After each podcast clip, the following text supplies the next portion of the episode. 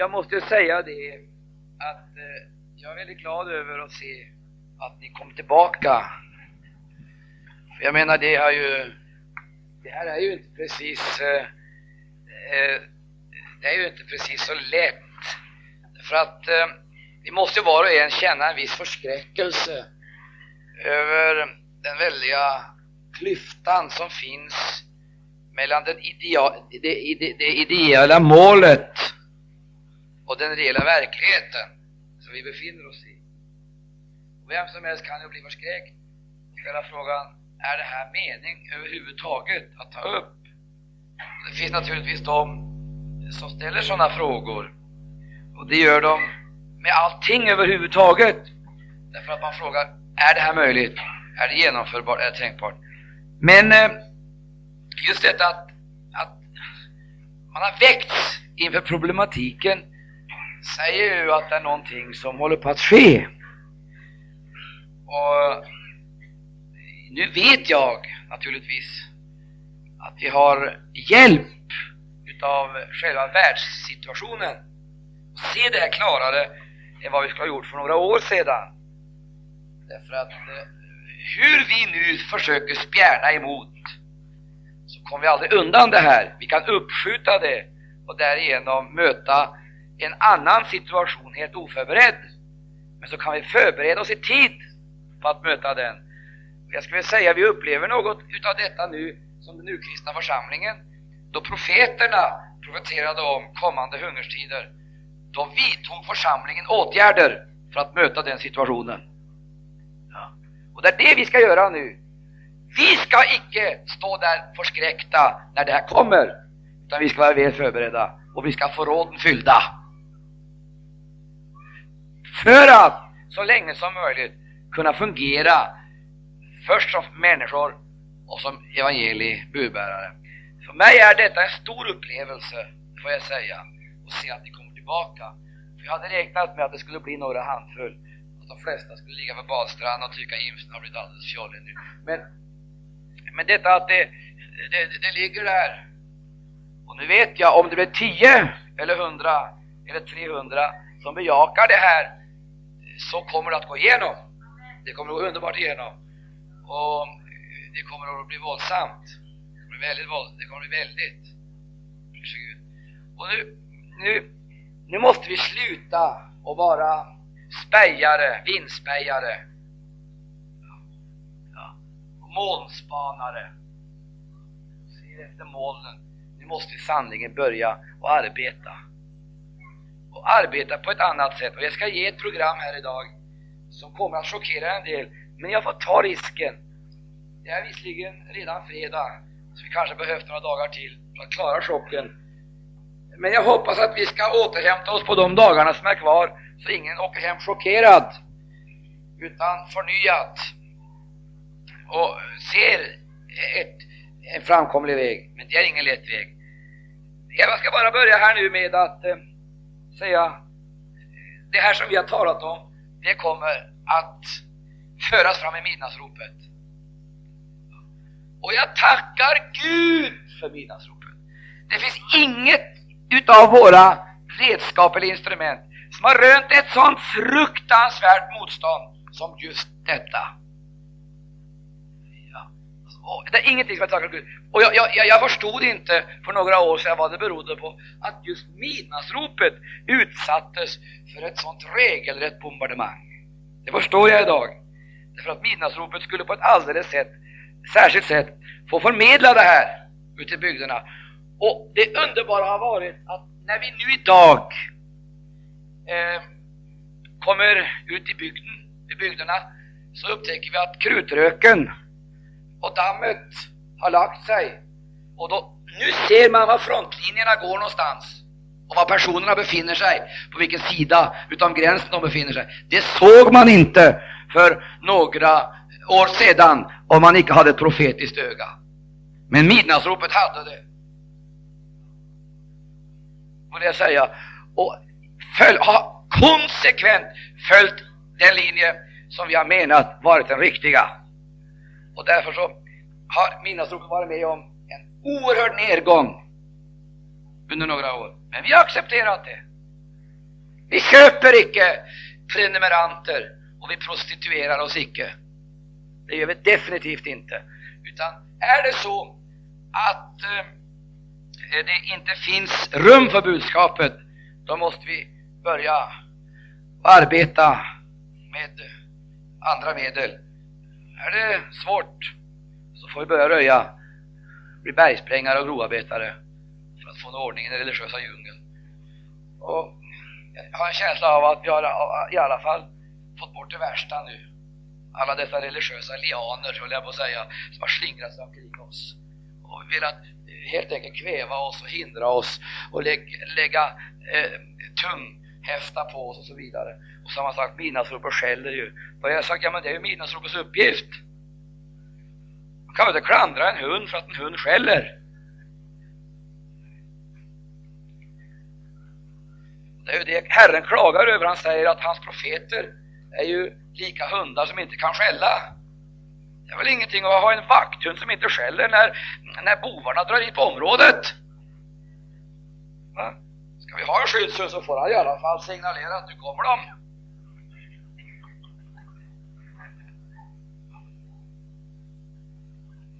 Tacka Gud att vi har en skällande hund mitt ibland oss höll jag på att säga. Och jag, jag har icke det minsta konflikt, eh, konflikt eller komplex för det här att vi har eh, varit lite spetsiga. Och man sagt man kan ju inte ge midnattsropet åt Nofre. Detta är ingenting annat än kvalificerat struntprat. Vet du varför? Därför att när ofrälsta människor ser att det finns rakryggad hållning bland de kristna, då väcker det respekt hos dem. Att de ser att man inte allierar sig med den officiella etablerade kristenheten, då förstår de att det finns någonting annat än det de ser ta form i samfund och liknande. Och jag frågar mig, hur i all sin dag kan människor rekommendera andra att läsa Bibeln? Som är full av ironi och polemik.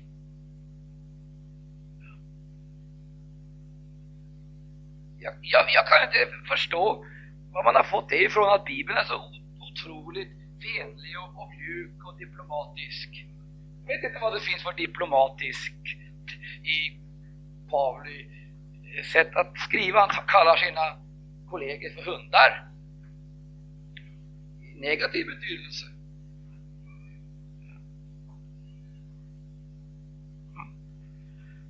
Skrymtare. Jesus kallade Herodes för räven. Han hade naturligtvis en rävfarm bakom varje öra. Det, det, är ju bara på det sättet. Och, och, och, och Bibeln är ju ironisk och, och den är ju, har ju en väldig humor. Och den är ju polemisk. Man ska inte polemisera. Vad ska vi då göra? Polera kanske?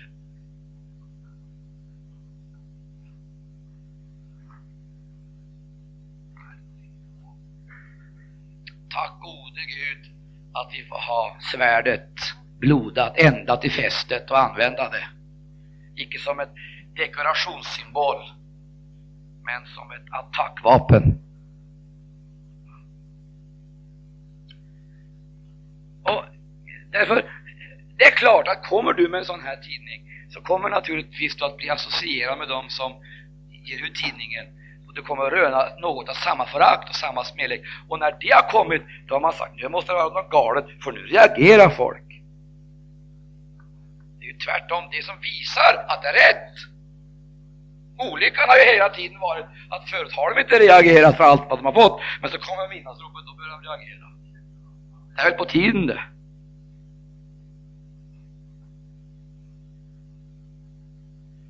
Vad ska vi ha?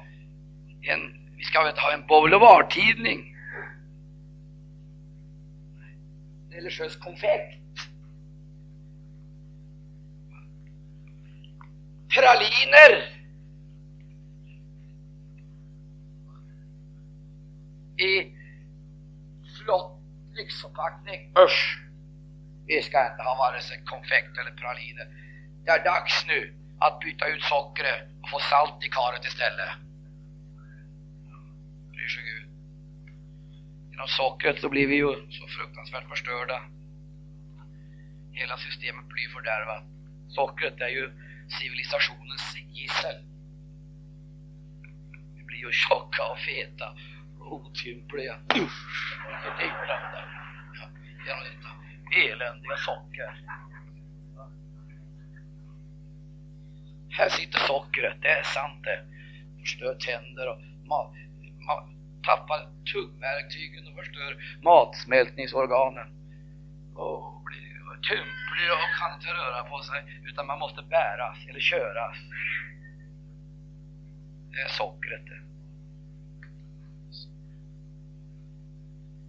Nej, nu är det dags för salt i födan. Ta bort all den där marsipantårtan ifrån de kristna sammankomsterna och ge oss livets bröd. Gud i himlen, det är inte lemonad vi behöver, men det är livets vatten. Och du, du ska få höra här. Du ska, du ska få se det. Ge folket salt, så ska de nog hitta vägen till vattenkällorna.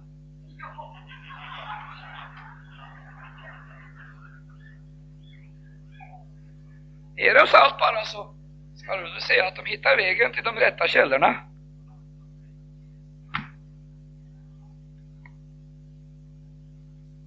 Åh Gud i himlen vad hemskt det är. Denna strömlinjeformade förkunnelse, denna hänsyn till människor.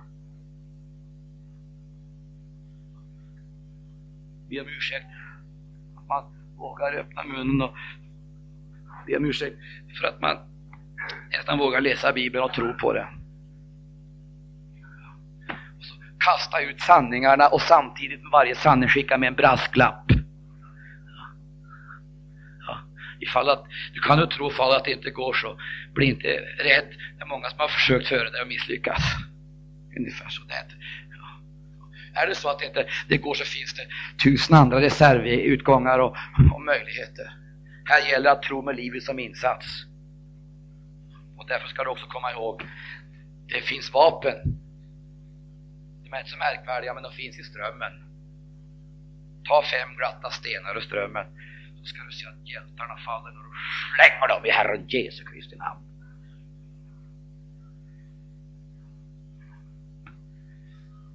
Ja, visst ja, vi ska tala om social etik. Vet du vad jag tycker?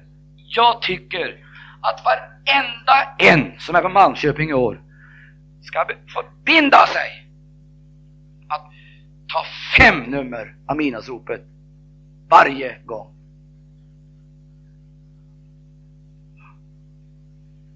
Bli kommissionär, fem nummer och börja kriga på hemmaplan.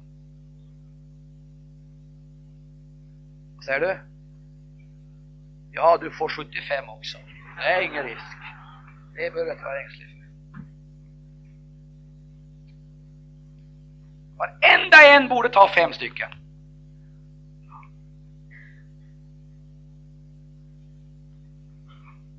Se till. Fem.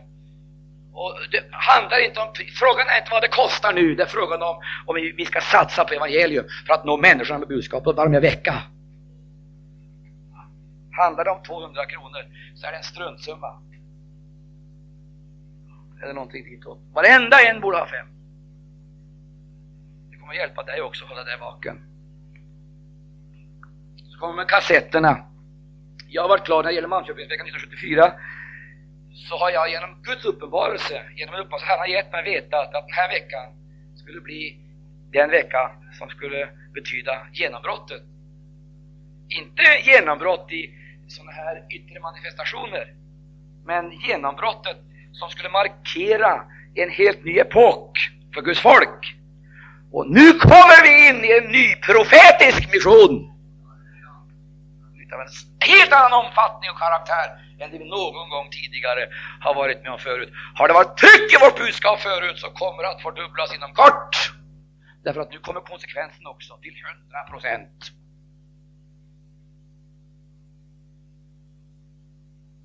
Och därför visste jag att den här Malmköpingsveckan kommer att ha den funktionen att den strängt taget, Malmköpingsveckan 1974 är en plattform.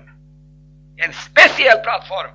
Det är icke Arne Imsens budskap, utan det är Malmköpingsveckan 1974 som har fött fram det. Och jag visste att den anda och atmosfär här skulle jag skärpa och utåt budskapet eller motsatsen.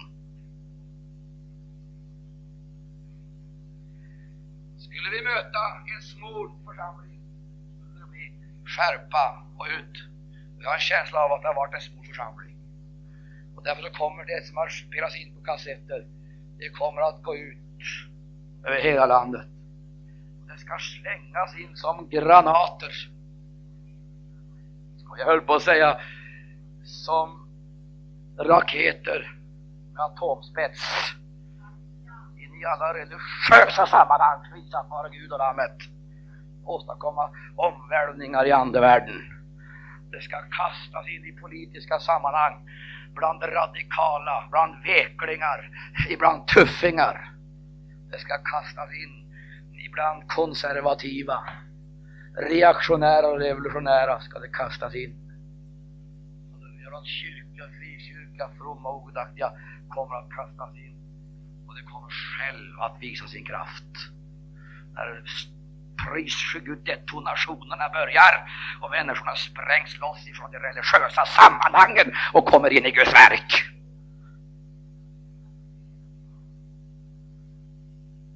Pris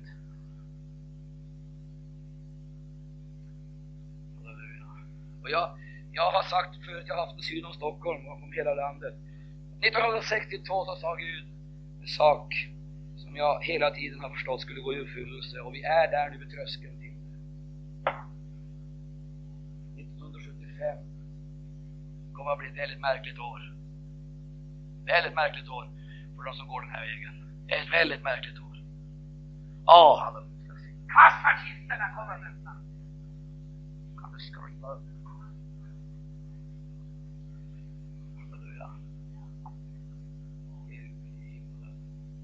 Kommer inte att rinna bara i enkelriktad trafik. Jag har krävt att Herren ska komma med välsignelse åt oss. Det går åt båda hållen. Gud i himlen. Kassakistorna öppnas, prisat vare Gud och namnet. Medlen kommer loss och Herrens välsignelse faller över församlingen. Och människor kommer att frälsas och vi kommer in i sammanhang som vi tidigare aldrig har nått.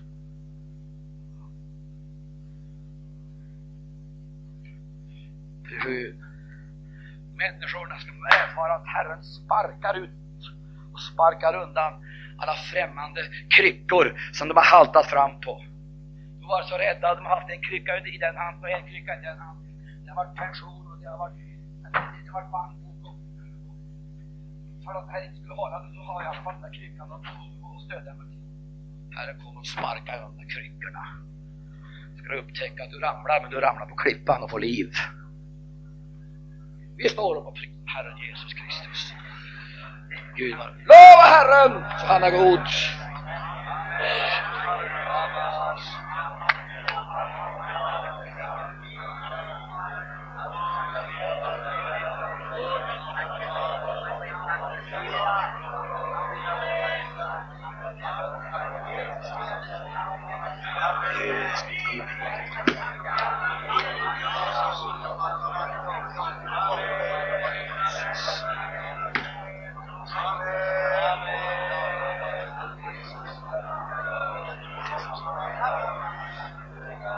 Åh oh, Jesus. Jesus Kristus.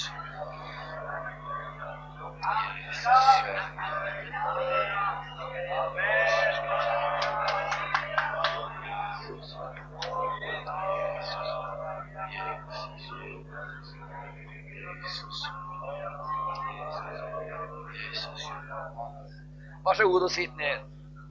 Hur många är det som prenumererar på midnattsropet? Ja, det var roligt att se det. Många som inte prenumererar. Jag ser till att få den saken ordnad.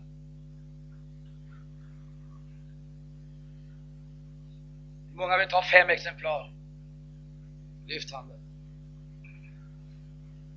Oh ja. Säg till där inne för expedition. Fint. Hur många vill ta 75?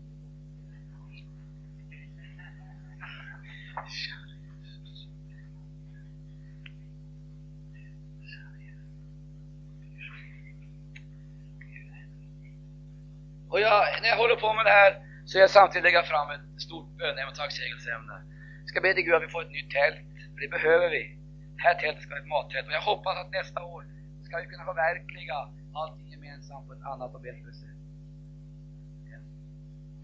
Det vill säga, vi ska inte försöka att begränsa den här utvecklingen, ringa in det, utan utvidga det. Jag hoppas att vi nästa år ska bara duka borden här i tältet. På det här sättet. Duka borden. Jag vet inte. Jag tänker mig så här. Det är praktiskt genomförbart. Det finns ju truckar så vi kan ordna mat dit. Duka borden och bara bjuda människor komma. Guds folk komma. Kärleksmåltid. Hoppas det ska vara så andligt starkt klimat så alla förstår vad det handlar om. Då ska vi ha mötestältet där ute på heden. Om vi nu får vara kvar här, vilket jag hoppas, ute på heden i ett mycket större tält. Och där ska allting, allting komma förberedas på ett helt annat sätt nästa år. Och så blir det campingområde här. Hela området. Gode Gud, tack att du ska ge ditt folk Lebensraum, livsutrymme. Halleluja, ära vare Gud. Ge oss livsutrymme, kära Halleluja, tack att du har gett oss heden, kära Herre, så vi kan vara här och prisa dig. Under tio dagar mitt i sommarvärmen ska vi lova Herren. Vilken lättnad det kommer. Om vi börjar riktigt studera den sista delen av Apostlagärningarna 2 så kommer vi underfund med tre saker. Den sista delen heter ifrån den första andra versen. Jag vet inte hur många gånger jag har läst det här i Stockholm under det sista, under det sista året. Men i början, när jag började läsa det här, så, så märkte jag en likgiltighet inför just, just den här delen så förnam jag en likgiltighet. Men jag fortsatte att läsa och så talade jag lite varje gång och så väcktes liksom intresset så börjar man fundera. Kanske det trots allt ligger en hemlighet förborgad här. Och detta har, man, har vi successivt kommit underfund med att här ligger en stor hemlighet förborgad. Så småningom så gick det upp för oss att eh, vi har egentligen ett otroligt effektivt program för den mänskliga samlevnaden. Det otroligt program. Och om jag får använda uttrycket politisk i en helt ny mening, alltså befriad ifrån all den belastning som traditionen har gett det, men i en urkristen mening, så har vi ett oslagbart politiskt program. Det är en, det är en fantastisk politik, himmelrikets politik. Det, det, det, det är helt otroligt vad, vad, vad allting liksom har eh, lagts fram och vilken utomordentlig partibok vi egentligen har. Halleluja.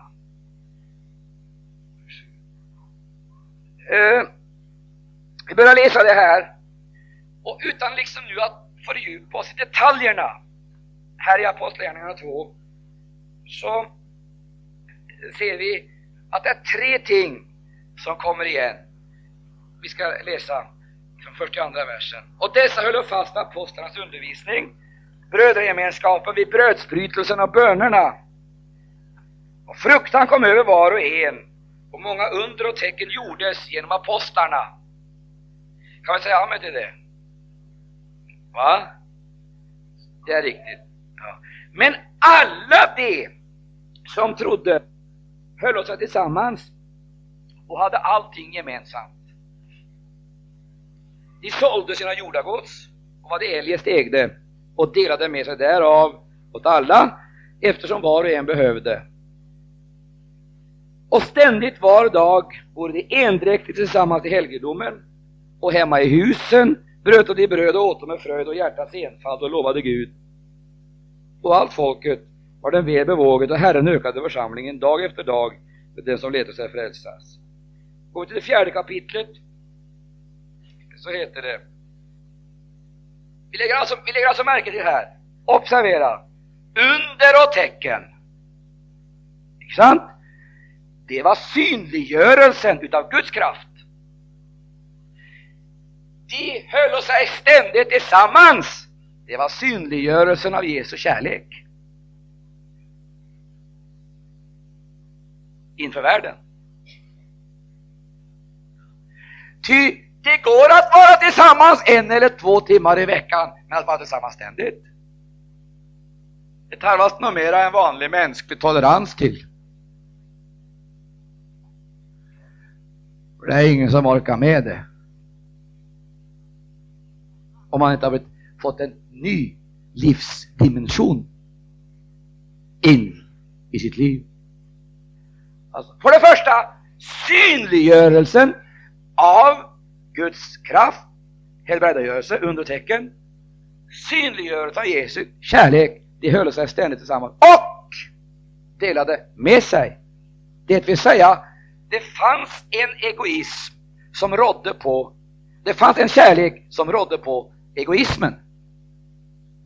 Och här har vi grundproblemet. För orsaken till att det genom tiderna har varit som det har varit och att orsaken att det är som det är, det är egoismen. Det är ingenting annat än renodlad egoism som hindrar oss att förverkliga Jesu Kristi program. Det är, det är den gamla, djupt rotade och fräcka egoismen som är orsaken till att det inte går att förverkliga det. Vi ska se ytterligare ett exempel. I Apostlagärningarna 4, där heter det, i 33 versen, där heter det, med stor kraft frambör apostlarnas apostlarna vittnesbörd om Herre Jesu uppståndelse och stor nåd var över dem alla. Där säger vi Amen men samtidigt och tack och lov. Och så sätter vi punkt där, eller utropstecken. Så glömmer vi att det står vidare, bland dem fanns ingen som led nöd, ty alla som ägde något jordstycke eller något hus sålde detta och bure fram betalningen för det sålda och lade den för apostlarnas fötter. Och man delade ut därav så att var och en fick efter som han behövde. Här har du igen. Först synliggörelsen av Jesu kraft till helbrägdagörelse, synliggörelsen av hans kärlek. I ett utgivande som helt saknar sin motstycke. Saknar sitt motstycke.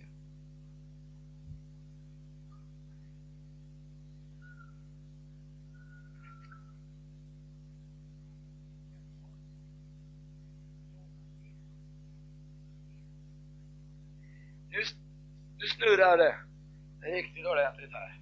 Men gode Gud ska det här gå till? Ska jag sälja mitt hus nu? Ska jag sälja min gård? Ska jag sälja det och så gå till predikanten eller församlingen med det?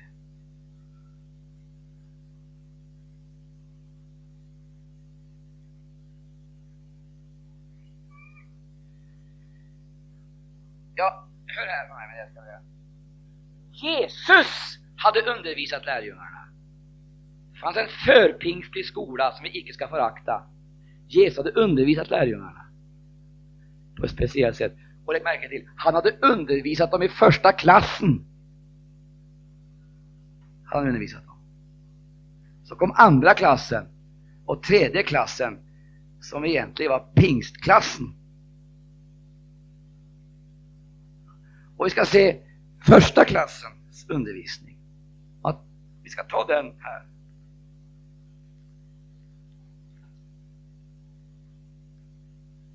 I eh, Matteus evangelium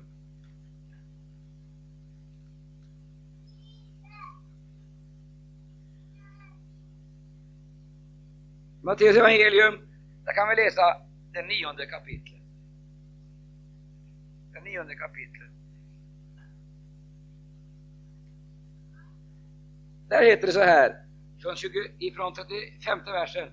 Och Jesus gick omkring i alla städer och byar och undervisade i deras synagogor och predikade evangelium om riket och botade all slags sjukdomar och all slags skröplighet.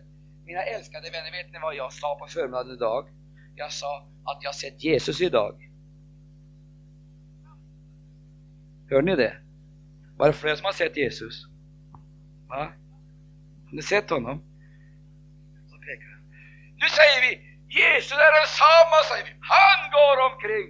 Gör det. Och, och jag börjar fundera, jag undrar egentligen, menar då? Är det Jesus som är ute och, och, och, och traskar i, i våra bygder? I något slags, är Jesus ute och går i någon slags osynlig ande?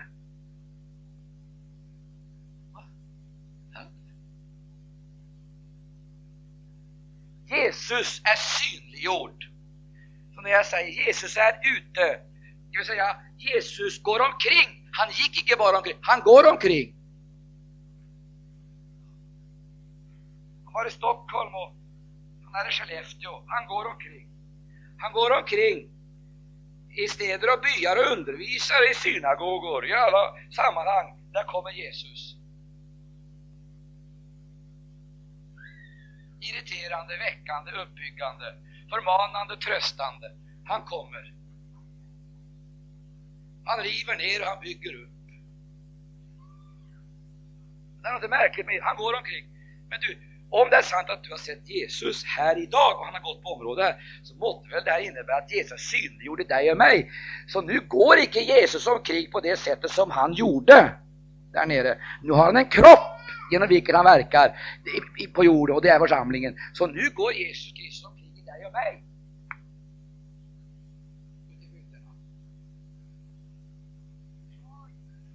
Halleluja.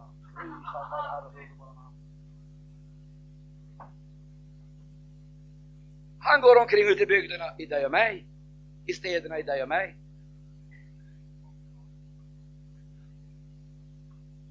Och så läser vi vidare när han såg folkskarorna ömkade han sig över dem, eftersom de vore så illa medfarna och uppgivna, lika får, som icke har någon herde. Och jag, jag, jag, ska säga några saker här idag som, som griper mig så våldsamt. Man kan aldrig lösa de här problemen tekniskt, organisatoriskt, utan det måste lösas organiskt.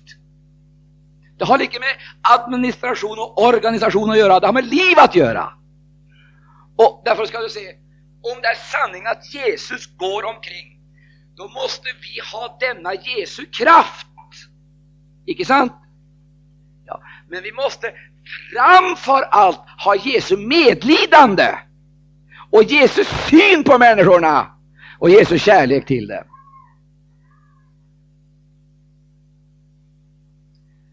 Och, men, men denna kärlek, hur har den då tagit sig synlig uttryck. Den tog sig ju inte synligt uttryck bara i det att Jesus gick omkring där i Palestina och på denna botten. Utan det börjar ju med det han att Jesus ödmjukade sig, han steg ner, han steg ner, han steg ner, han steg ner, han steg ner. Han, han steg nerifrån första och ifrån änglarna och tronerna. Han blev ringare och ringare och ringare och ringare och ringare och ringare och ringare. Och till sist hade han blivit ringast av alla.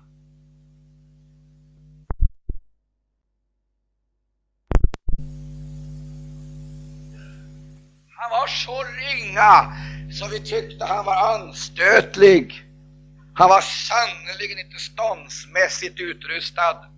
Det fanns ingenting i hans yttre som talade om att han var en konung, evigheternas konung. Gud hade gömt sig, höll jag på att säga, dolt sig i det bräckligaste som finns. Du, han steg ner ifrån sin himmel. Men nu är det dags för oss att krypa ner ifrån vår himmel. Det tycks vara svårare.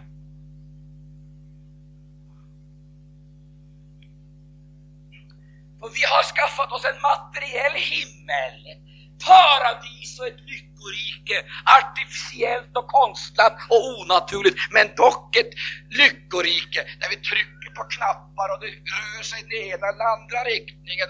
Allt ska betjäna oss och vi betjänas av maskiner och människor, av institutioner och organisationer. Vi hinner knappast träda in i den här världen förrän det står en präst och tar emot oss och ska in i kyrkan. Får vi lite hög temperatur så har vi en sjuksköterska eller en läkare och en ambulans som kör iväg oss till, en, till ett kroppssjukhus. Blir det lite problem med nerverna så finns medicinskåpen fyllda med preparat så vi kan få allting löst utan någon störningar. Och så skapar vi en sån där onormal och onaturlig tillvaro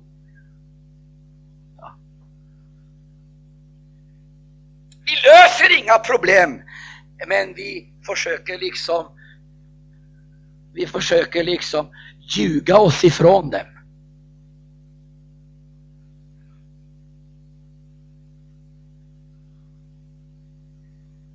I, I vår himmel som vi har, där finns det institutioner som kan hjälpa oss på praktiskt taget alla områden. Och jag vill inte förakta någonting i och för sig. Men vi har gjort det så oerhört enkelt för oss. Så vi har slagit oss till ro, lagt oss ner. Vi behöver inte tänka, det gör andra för oss. Vi behöver knappast handla, det gör andra för oss. Vi behöver inte arbeta.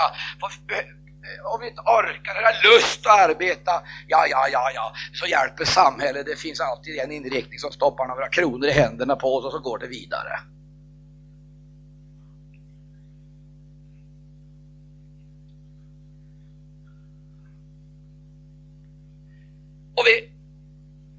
Av livsleda. Och så där, ja, ångest. För leda. Vi får kortare och kortare arbetstid och blir tröttare och tröttare. Vi får mer och mer betalt och har mindre och mindre kvar. Och då säger en du, Ja, det är regeringens struntprat. Det är visst inte regeringens fel, det är vårt eget fel. Därför att vi har valt en livsstil som är helt onaturlig. Okristen och hednisk! Där sitter problemet. Och nu hör du.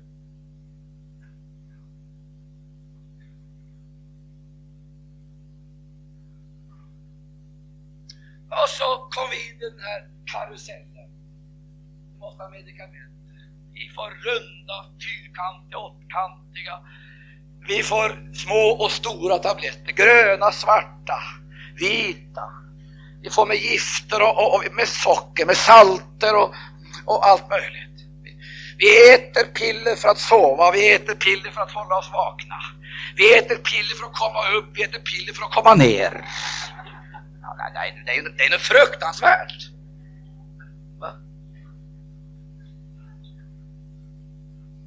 Ingenting är roligt, ingenting kan glädja er. Ingenting. Vi är sofistikerade och blasé. Har du sett de här gamla gubbarna på 25 år? De är så utlevade och livströtta så man får försöka lyfta upp dem för att hålla liv i dem. Och dessa förgubbade ynglingar kan inte bli några karlar och sånt förrän Jesus får frälsa dem. Dorska och trötta, slöa och slappa.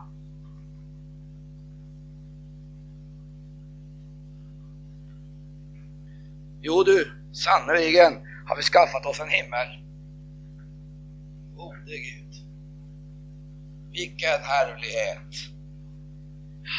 Och så för att försöka skapa lite liv i det här så har vi ju P3. Vi har lite skval också på alltihop. Lyssnar på. Och så smeker oss och våra känslor. Och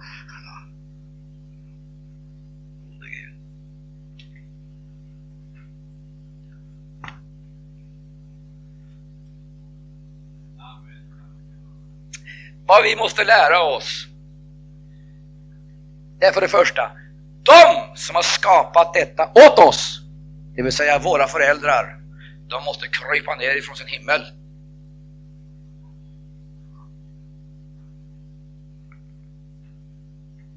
De måste krypa ner. de måste få se livet i en annan vinkel.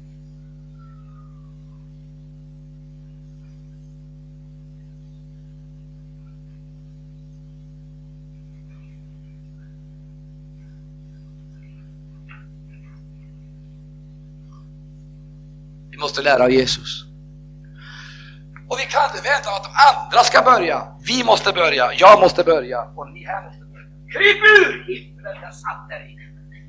Kryp ut ur den där självgjorda, artificiella, onormala tillvaron och gå ner.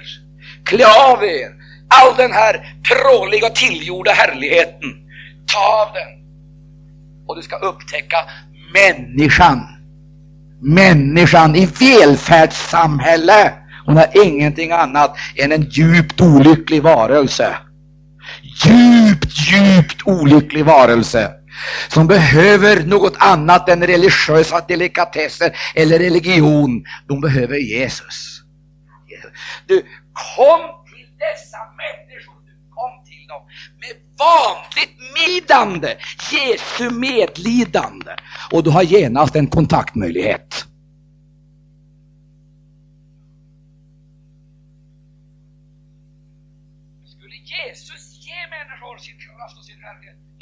Torska, lata, slöa, bortskämda människorna sin härlighet. Vilken förbannelse de skulle ställa till med.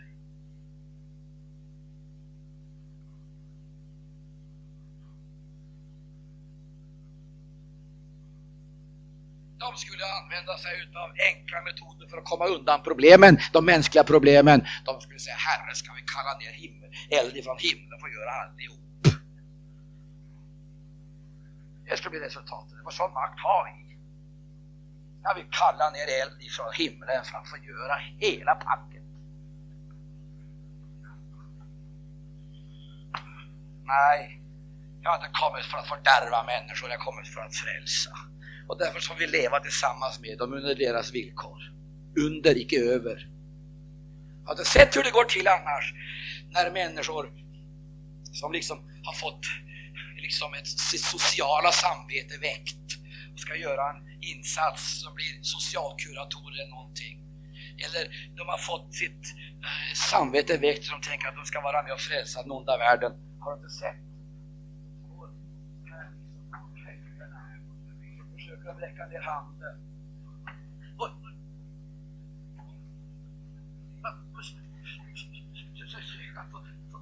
Få tag i någon där nere.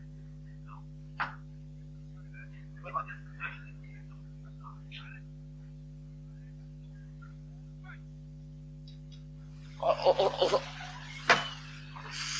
Där ligger de inte ska få det här. Tycker man man har gjort det bra. När man har fått, så att säga, människa upp. Då tycker man fantastiskt. Så får man göra allt man kan för att hålla dem kvar.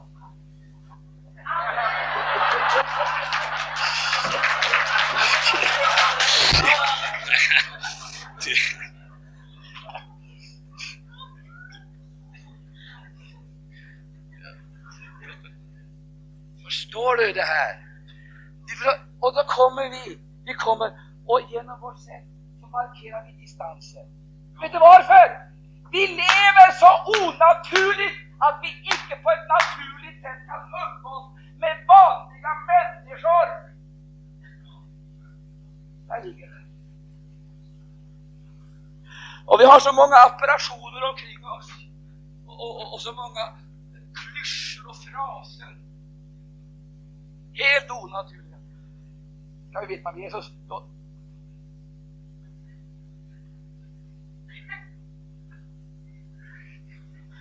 ska blir det blir en religionsdiskussion. Han är så dum sådär.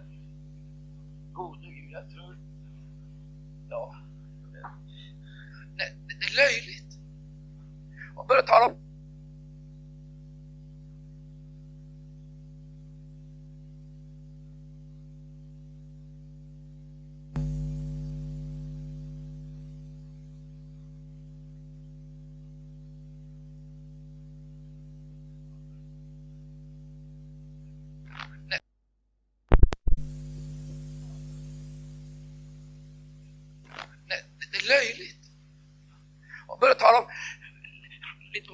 Filosofi, och det är naturligtvis bäst att låta bli att använda sprit och, och det är ju lyckligast om man kan göra det och leva så och tro på Gud eh, som det heter. Tro på Gud, eh, Herren hjälper. Struntprat.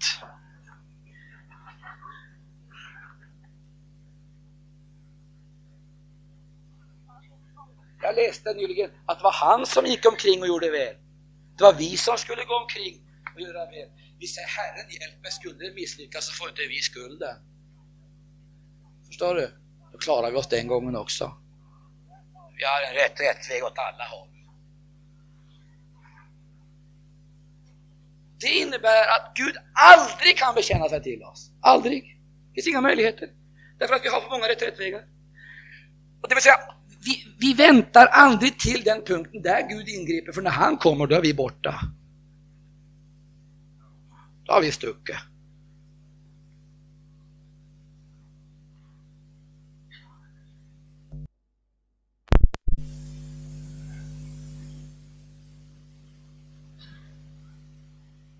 Kära Gud. Fattar ni att det är en vulkan i mitt bröst? Jag gråter! Jag tänker på vårt land och vår ungdom inte är kanske som ser en kyrka i varje kvarter men aldrig hör budskapet om Jesus. Därför att de har gömt det, konserverat det i sina traditioner och ceremonier och i sin döda teologi.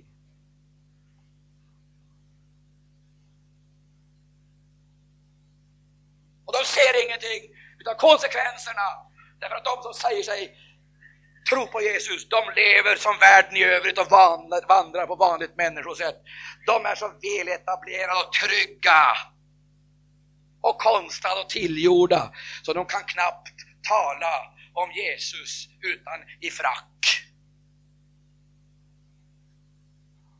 Eller prästrock. Utan en bönebok eller handbok i liturgi.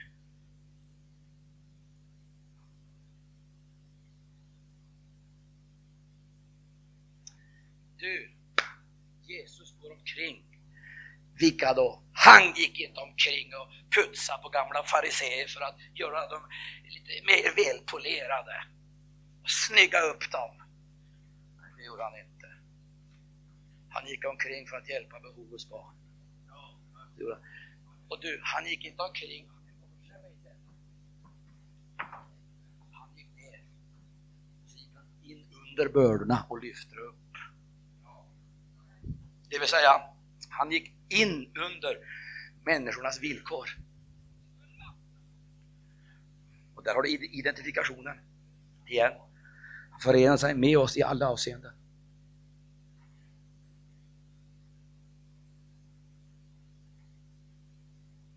Jag kan tala om för er kristnas religion, jag är många gånger så ynklig.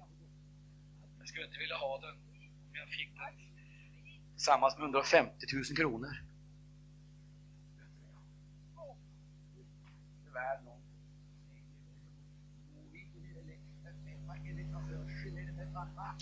Alltså, vad vi måste få, det är en vision. Vi måste se människan med Jesu ögon. Och jag ber dagligen, för jag har en sån kamp i mitt hjärta, då det gäller den första kärleken, får till den första kärleken. Hör också att man ser människan som Jesus gör. Varenda en är en evighetsvarelse. Då kommer, då börjar man ömka sig över dem medlidande och då får man bönämne. bönämne. Då beder man, därför sade han till sina lärjungar, skörden är mycket, men arbetarna är få. Beden för den skull skördens Herre, att han sänder ut arbetare till sin skörd. Ja, Jesus, du ställer inte bara upp och talar, du visar också i handling. Du gick ner ifrån din himmel. Dig ända ner i dödsriket.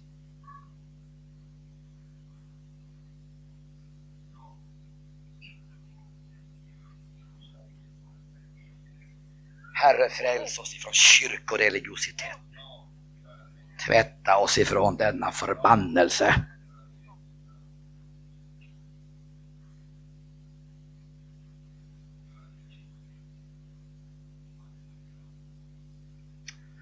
Han gick ner.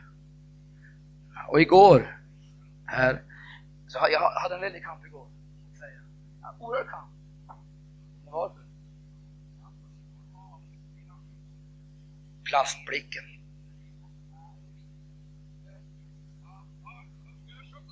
Oh, detta plasthjärta. Porslinsögon. Oh, jag ser det överallt. Ser det överallt.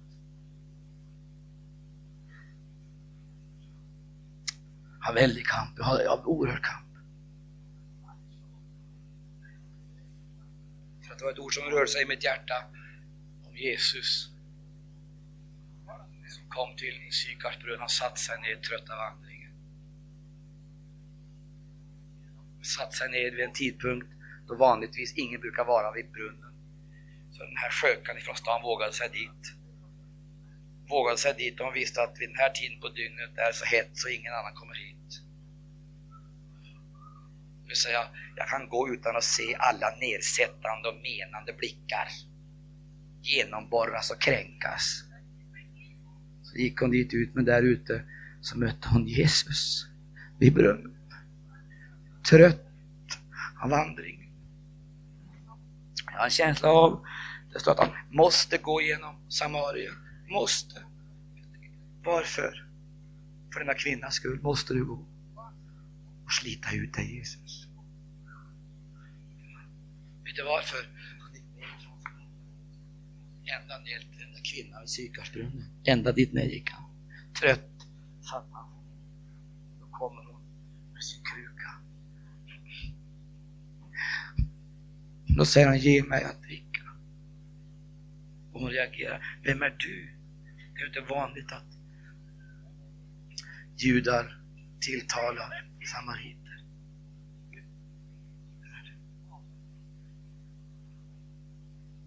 För så möter hon en annan, en annan människa. Hon tror bara att en ovanlig, en annan människa.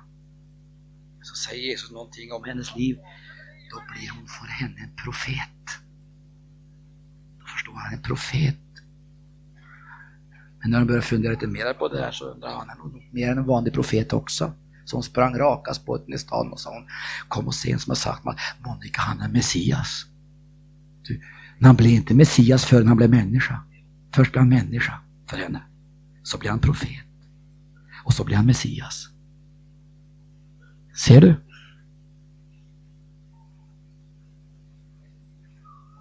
Då stack hon in i stan med förstahandsupplevelse av Jesus.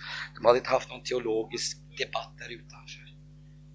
Men Jesus hade nystat upp hennes inre problem. Så kände hon att det var en värme. Gode Gud.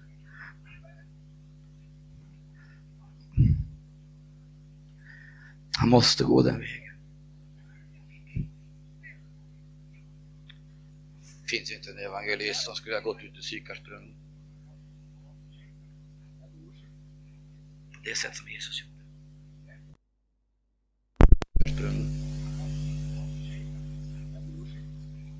Det sätt som Jesus gjorde. Men då hör du, vad heter de lärjungarna? De drog in i vägen för att de drog i vägen i stan för att hämta mat. Ja, just det. Hämta mat. Och där känner du igen oss. Vi har så oändligt med matbekymmer så vi hinner inte med själarna så värst mycket Vi måste köpa mat så vi inte dör av hunger. Och gode Gud vad vi är hungriga.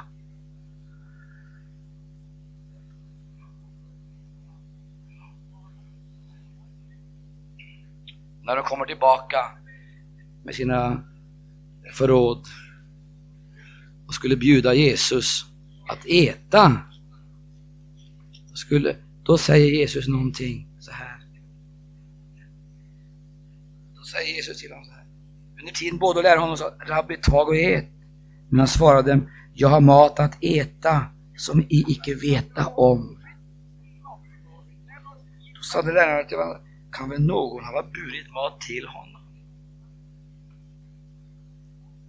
Jesus sa till dem, min mat är att göra den vilja som har sänt mig och att fullborda hans verk.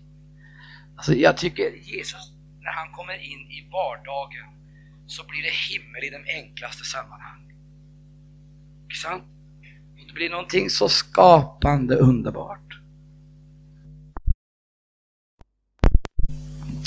Om vi så att säga kunde komma in i den här situationen att vår mat blir att göra Guds vilja. Så skulle vi naturligtvis också klara av existensen. För Gud vill naturligtvis inte att de som gör hans vilja ska försvinna ifrån jorden. Utan de vill han bevara på jorden så länge som möjligt. Det säger ju Paulus. Han säger själv skulle jag vilja bryta upp, säger han och fara hem. Det vore bäst för mig. Men för er skull så stannar jag kvar. Och Gud ville att han skulle stanna kvar, därför stannade han kvar. De som gör Guds vilja. Och nu, hör här. Jag undrar, vittnen, hur är det med oss Jag ställer frågan igen. Vad är det som mättar oss?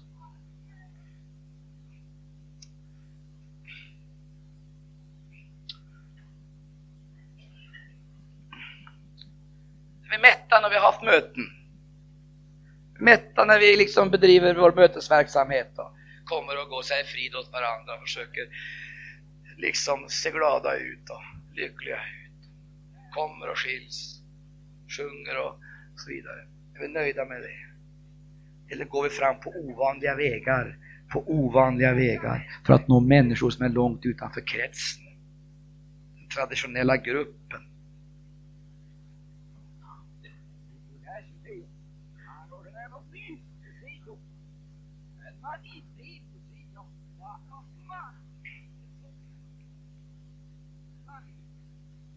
Har vi hela situationen. Och jag vill säga det här en gång till. Alltså, det, det, det, det, måste bli så.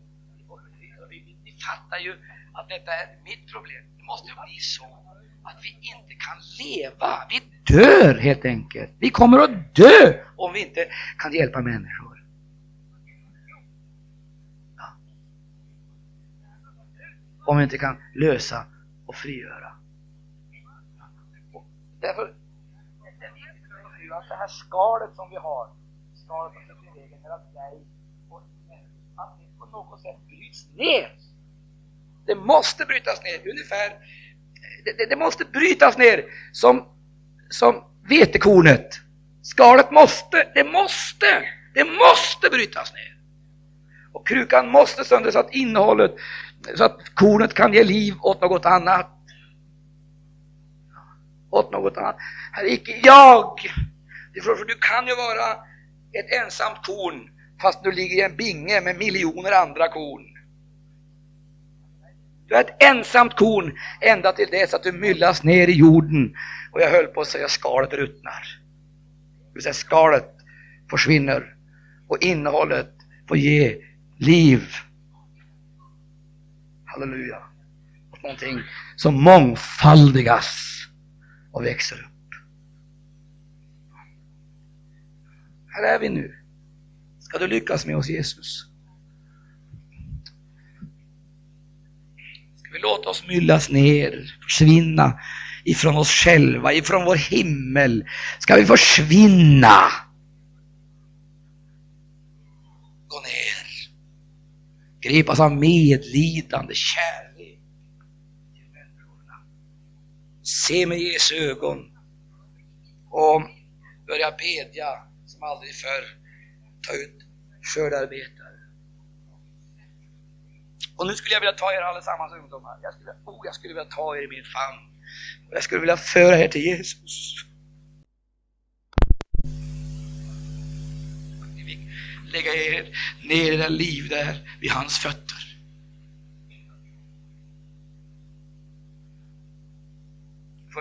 Du kan leva för dig själv. Du kan leva för din familj. Du kan leva för världen. Du kan bli idealist. Du kan bli materialist. Allt detta som är i världen. Och du kommer i alla fall att leva för dig själv.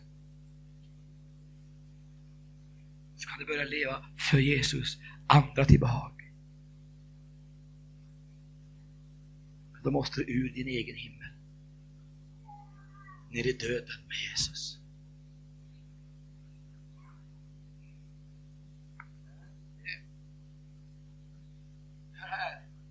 Jag upplevde för, eh, det må vara två år sedan, tror jag, när jag var väldigt sjuk, så upplevde jag tidigt en morgon, fem timmar morgon, att eh, jag gjorde en erfarenhet som jag hade varit med om förut. Jag hörde en röst. Så hörde jag sång, musik, Jag brast i gråt. Och jag, jag grät i flera timmar. Det var inga sorgens tårar. Utan jag var helt fullständig, jag försmäktade förkrosselsens tårar över det jag fick vara med om. Och då funderade jag, men Herre Jesus Kristus, vad var detta för någonting? Vad var det i rösten? Vad var det i sången? Vad var det i musiken? Och då kom det till mig, det var denna kärlek från Jesus Kristus.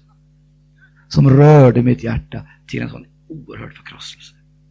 Det är detta som människorna måste känna deltagandet. Broder och syster, följ min rekommendation. Lägg ner verksamheten. Lägg ner den snabbast möjligt. Håll inte på med en verksamhetsmaskin. Lägg ner den för allt i världen. Börja istället att leva för Jesus. Gud vare evigt lov, så ska du bli själavinnare och själavårdare och du ska inte behöva jaga ens en gång människorna. De ska så småningom komma till dig De kommer att följa dig. Du kommer att få så mycket att göra så du skulle behöva fyra liv. Du kommer att få vara med överallt. Lägg ner verksamhet. Sluta upp och predika och sjunga när inte hjärtat är hänfört och gripet, när du inte har medlidande med syndare, när du inte kan gråta med den, lägg ner verksamheten. Det är ett spektakel.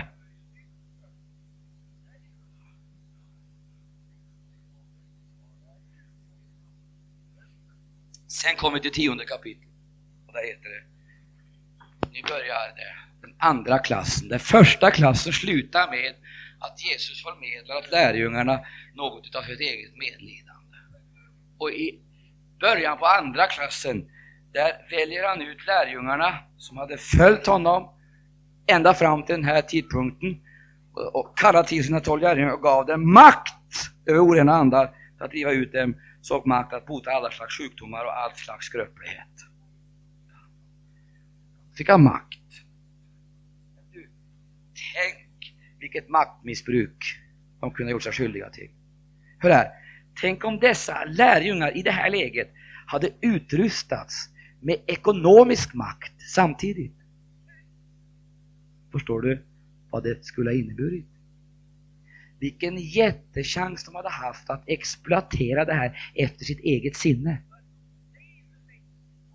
Som vi ser idag när man håller på att exploatera andedop och mission.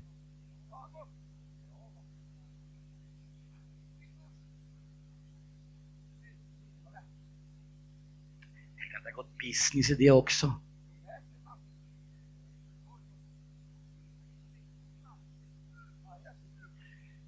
Missionen kommersialiseras.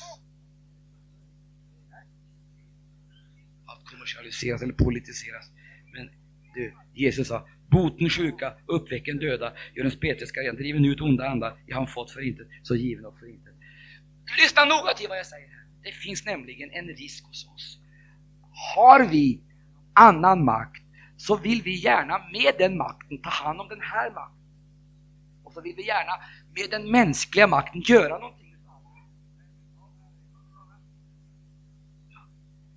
det vi ser i vår tid, hur man, hur man, hur man använder sina resurser för att liksom underlägga sig, ockupera och underlägga sig olika ting. Människor och eh, andra ting. Men Jesus sa, och där kommer det, Boten sjuka, uppväck en döda, gör en spetälska rena, driven ut onda andar, I han fått förintelse och given och förintet. Skaffen er icke guld eller silver eller koppar eller bälten, icke någon ränsel för det färdiga, eller dubbla livklädnader eller skor eller stav, till arbetarna i världen sin mat.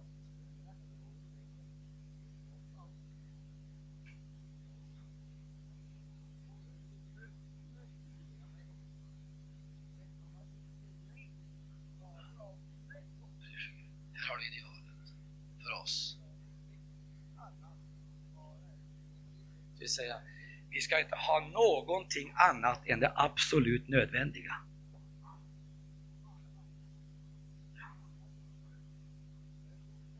Och så kommer det att bli så här.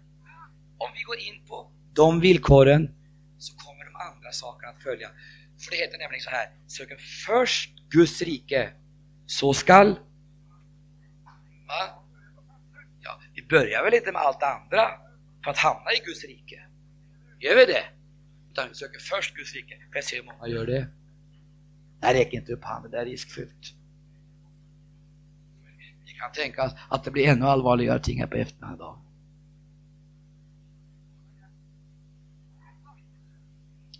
Mina vänner, oh,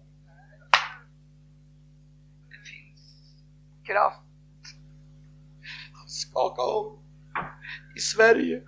Men det finns inte folk som vill bli bärare utav det.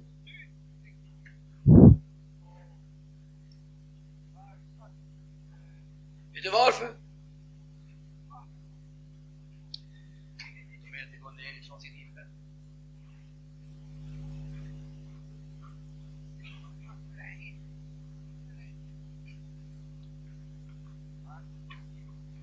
Gå ner med Jesus i självförsakelse, självuppgivelse.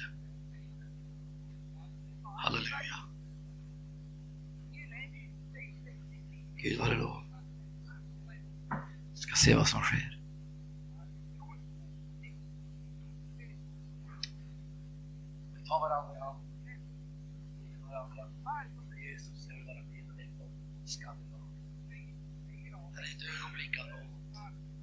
Fräls vår ungdom. Grip oss.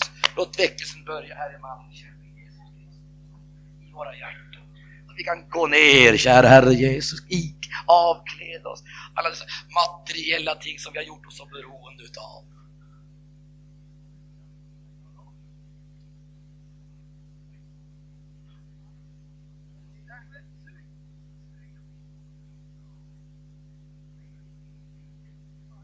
Pris Gud.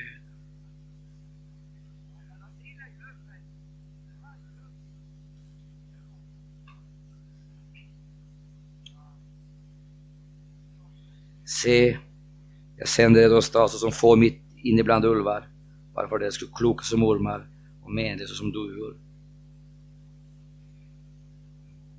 Det gäller också mentalitet. Befrias ifrån alla imperialistiska avsikter. Ja. Underlägga oss och så vidare. Det där måste komma bort ifrån det där. Söka och försöka få tag i så mycket som vi vill ha tag i. Utan vi följer Jesus på hans väg. Pris Gud.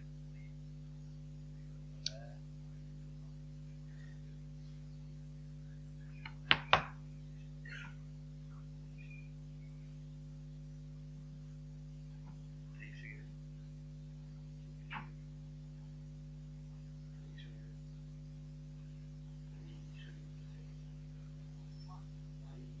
För massor av syndare. Prise Gud för jättedop för det. Prise Gud för andedop över ditt folk. Prise Gud för församlingens upprättelse. Prise Gud för försakelse. Prise Gud för lidande. Prise Gud för förhärligande.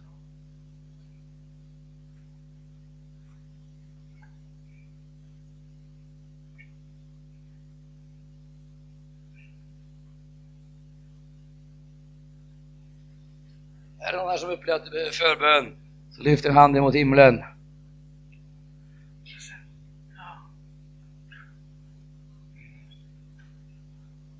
Gud vare lov.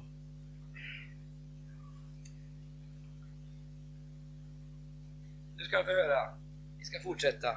Då vi går till Apostlagärningarna så ska vi lägga märke detta var den förpingstliga skolan. Detta hade lärjungarna lärt sig.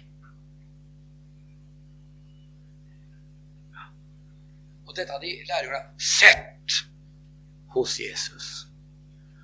Och det var dessa lärjungar och det var denne Jesus som kom ut till folket. Och det är denne Jesus som ska komma till folket idag, i dig och mig. Förstår du? Vi kommer inte på ett sådant sätt som innebär en förnekelse utav korsets budskap.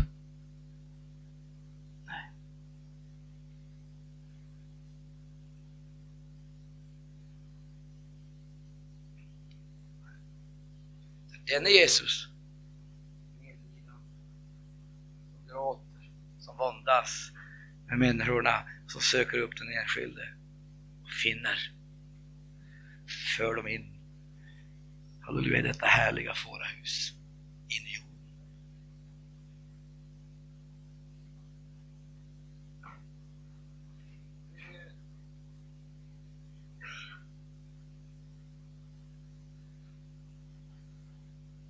Kryp ner från din himmel och du kommer att få Jesu himmel.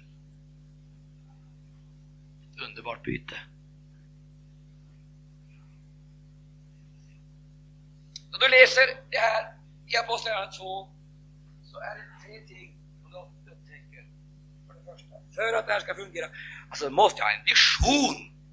Jag måste ha en, en känsla gripen. Det kan inte sätta sig i verket på annat vis. Sen när detta är klart, heter, men alla de som trodde höll sig tillsammans, hade allting gemensamt, sålde sina jordagods och steg ägde. Och, så, och ständigt var dag. Och så vidare. Det första, lägga märke. Det handlar om, det första det handlar om, det handlar om kroppen. Det är det första Gud måste ha. Du måste få kropp. Han ska bo i vår kropp. Alltså, måste överlämna vår kropp åt Herren. Och därmed så avsäger vi också dispositionsrätten till den själv. Allt vad det innebär. Det innebär alltså att alla de krav som människan i världen ställer, de måste på ett eller annat sätt besegras, neutraliseras i våra liv. Måste kunna säga nej.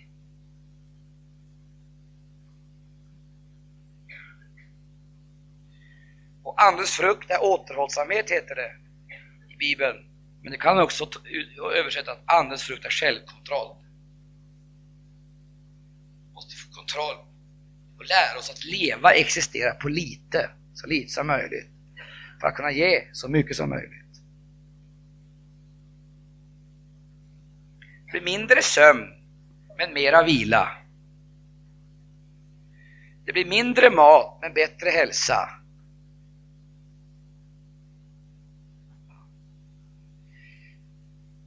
Det blir mera arbete, men eh, ännu mera kraft.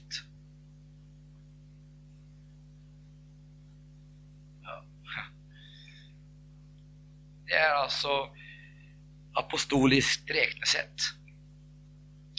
Ju mer vi ger, ju mer får vi. När vi kommer in under denna andens kontroll. Anden måste få kontroll över vår kropp.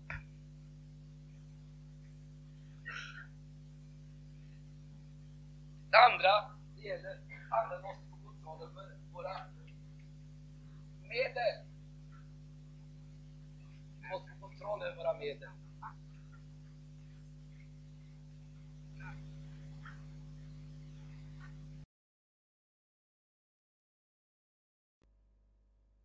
anden får kontroll över tiden. Det är det det handlar om.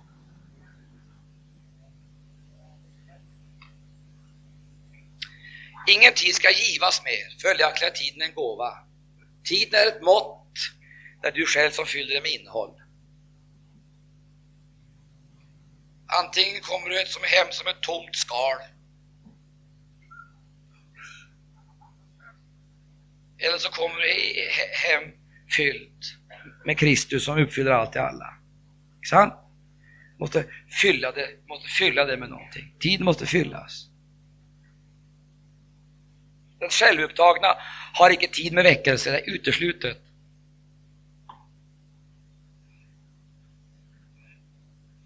Och den moderna orkar icke med väckelse, det är uteslutet. Det kräver mycket av kroppen. Och den eh, ekonomiska, som det heter istället för girig, låter bättre då, har inte råd med väckelse.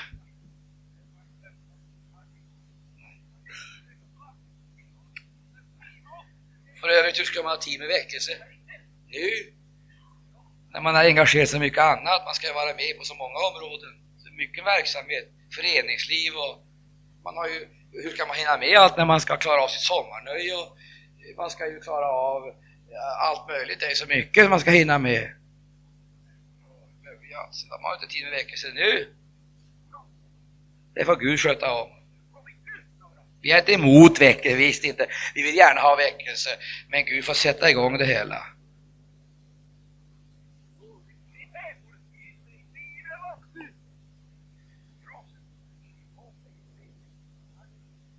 Jag ska ge dig ett gott råd. Är sommarnöje ett hinder för dig? Gör som Jesus sa.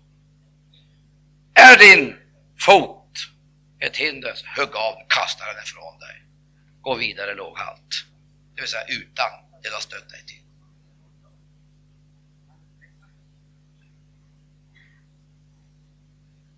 Är det någonting annat som du själv känner är ett hinder? Skilj dig ifrån dig. är ditt öga. Ta ut det. Gå in enögd i Guds rike.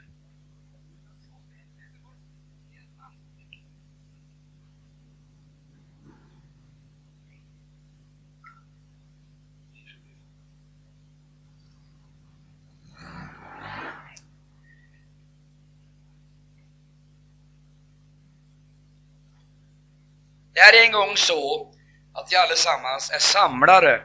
Vi samlar. Samlar. Vi samlar. Allihop är vi samlare. Det är bara frågan om var vi har placerat det vi har samlat. Samlade ligger skatter på? Nej, men samlade skatter där. Ja, just det.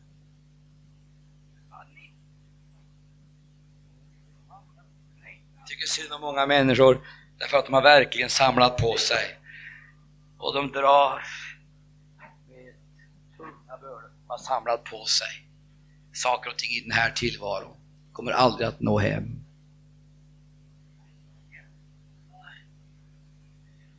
Så finns det de som har samlat där.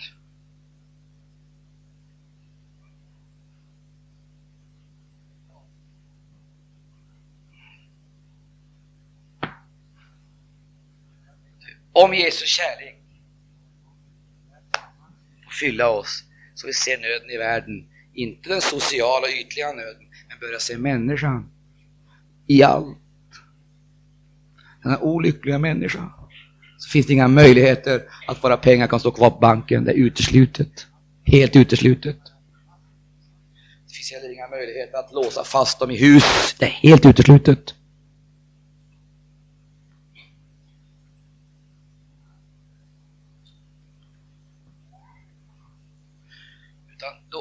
Vi att göra allt det vi kan, allt det vi kan för att möjliggöra att människor får höra om Jesus. Och det börjar med bön. Herre, sänd ut arbetare. Sänd arbetare till min trakt. Men räkna då inte med att han ska ta någon annan än du. Jag vill säga dig, bed icke att Herren ska sända arbetare om inte du vill vara med och bära arbetarens bördor. Det är skrymteri.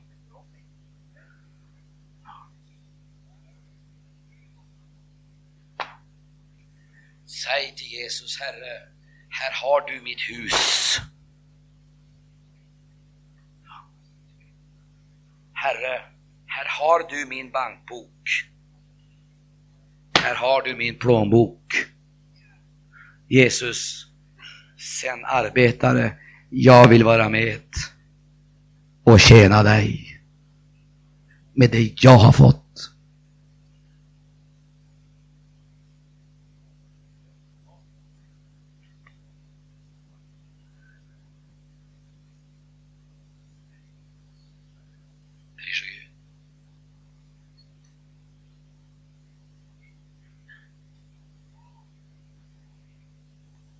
Detta gäller oss alla undantagslöst. Så finns det vissa som får gå in under speciella villkor. Det tar jag inte upp här idag. Men det här gäller alla.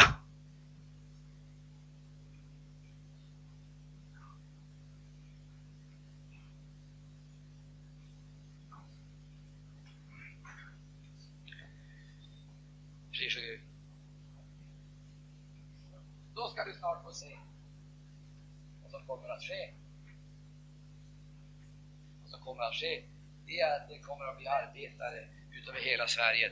Det kommer att bli vad jag skulle vilja kalla evangelisationscenter. På evangelisationscenter utöver hela landet. Kommer att bli.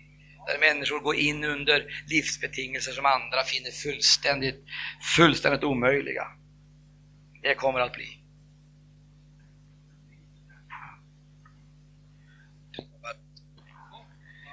Ta med de här tre sakerna.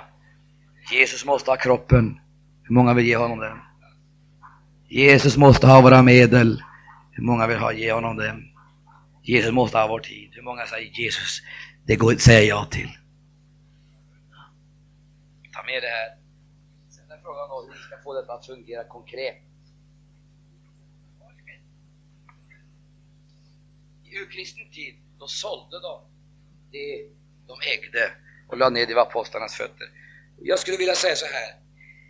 Det är möjligt att vi i det här skedet inte kan gå så långt som de gjorde vid den tidpunkten. Men vi kan avyttra det vi inte behöver. Det kan vi göra. Och sätta in det i mission. Tänk efter vad du skulle kunna avyttra. Och så kan vi vara med och hjälpa varandra på ett annat sätt. Jag ska ta ett enda exempel på det. Vi lever ju, vi har ju ett system som vi, som vi kan utnyttja. Vi har ett ekonomiskt system i vårt samhälle som vi kan utnyttja.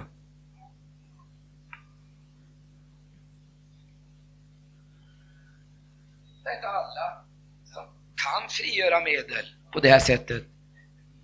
Några kan göra det, inte alla kan, men alla vill vara med.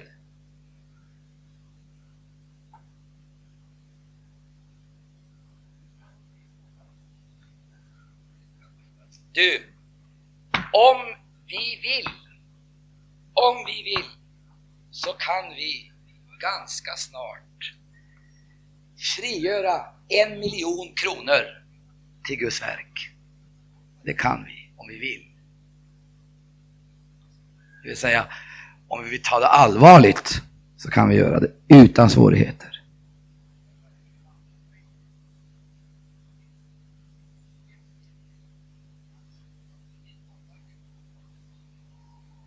Det är väl enkelt.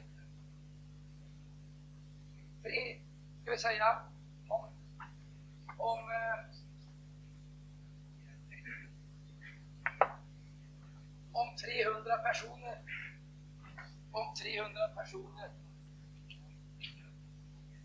Tar upp ett banklån exempelvis på 3000 kronor. På fem år så kommer dessa att få så kommer dessa, jag, jag bara ger ett exempel, så kommer dessa att få betala det här banklånet. Med omkring 200 kronor.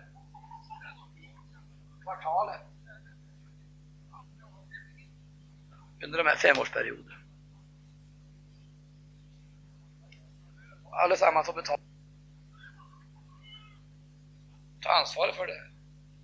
Omedelbart frigöra medel som kan sättas omedelbart in i projekt som är angelägna för Guds rike nu.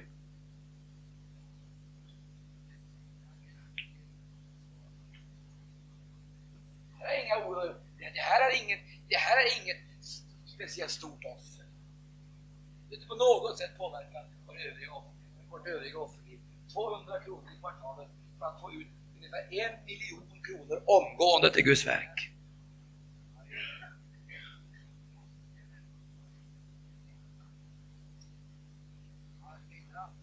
Det här det här inklusive ränta. Amortering inklusive ränta, 200 kronor i kvartalet.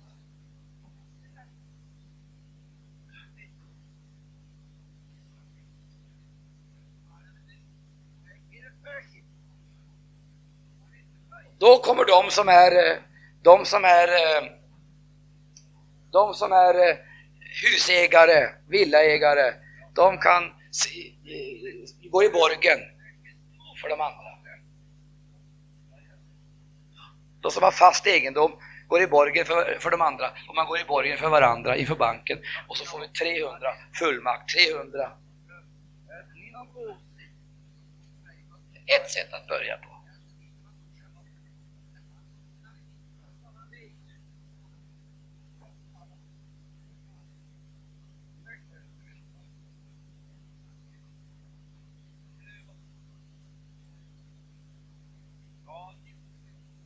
Nu vet jag för min egen del att tiden kommer att eh, förändras oerhört.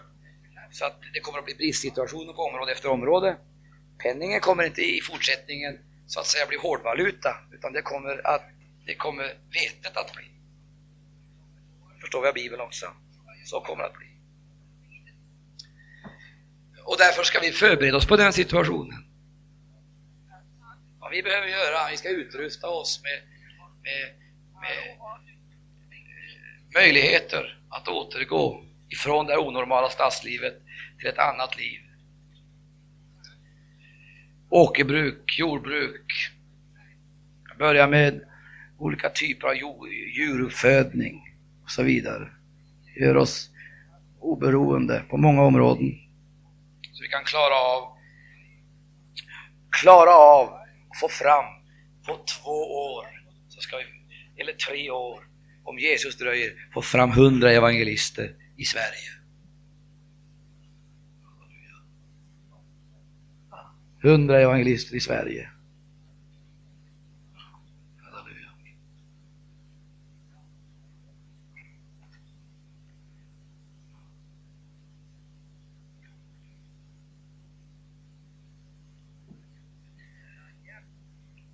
Om vi blir gripna av Jesus Kristus så kommer icke den här frågan att få ligga nere längre. Vi tar itu med det.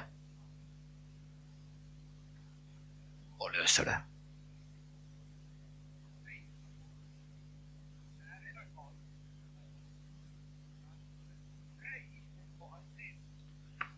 Här har vi projekt efter projekt över landet. Vi har Gamla Bro, vi har eh, önska. Vi får kanske nere i södra Sverige, i områden som vi inte haft tidigare, ut över landet. Så reser sig ut. Människor lär sig leva på ett enkelt sätt och fostra för uppgifter och drar iväg ut i evangelisationsuppgifter. Och dessutom skaffar vi samtidigt rehabiliteringshem i ett församlingsliv som är sunt och riktigt. Så att de som behöver ett som behöver ett hem, också socialt, kan få ett sådant. Kan ta emot dem.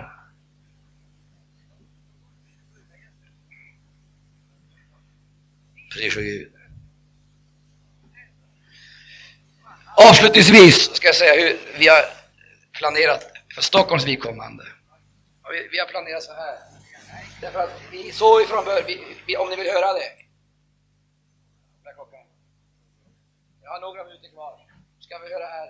Så här kommer vi att lösa det i Stockholm vad gäller Johannelund, Gamla Bro och vidare. Vi, vi, vi var helt klara över det från början. Att vi måste ha, vi måste ha tre delar. Det är för det första det kommersiella, och det är det sociala, och det är den rent evangeliska. Och den kommersiella delen får absolut inte äta på missionsmedel, tvärtom. Det ska återgå. Så att den här gruppen utav medarbetare som vi har ska skaffa medel så att inte ens dessa missionsmedel ska gå till den sociala, utan det ska inte gå därifrån dit, utan därifrån och dit, från den kommersiella delen. Och till den kommersiella delen hör serveringen, hotellrörelsen och allt sammans detta som ska drivas i Stockholm. Utav vänner som satsar sitt liv och alla tankar på karriär eller avlöning för att få loss medel som kan gå in i denna sociala del av arbetet. Och då har vi för vår del tänkt det så här. Vi tar ut den kommersiella delen, den kan få en rätt ekonomisk styrning. Icke den behöver belasta så att säga det rent evangeliska arbetet.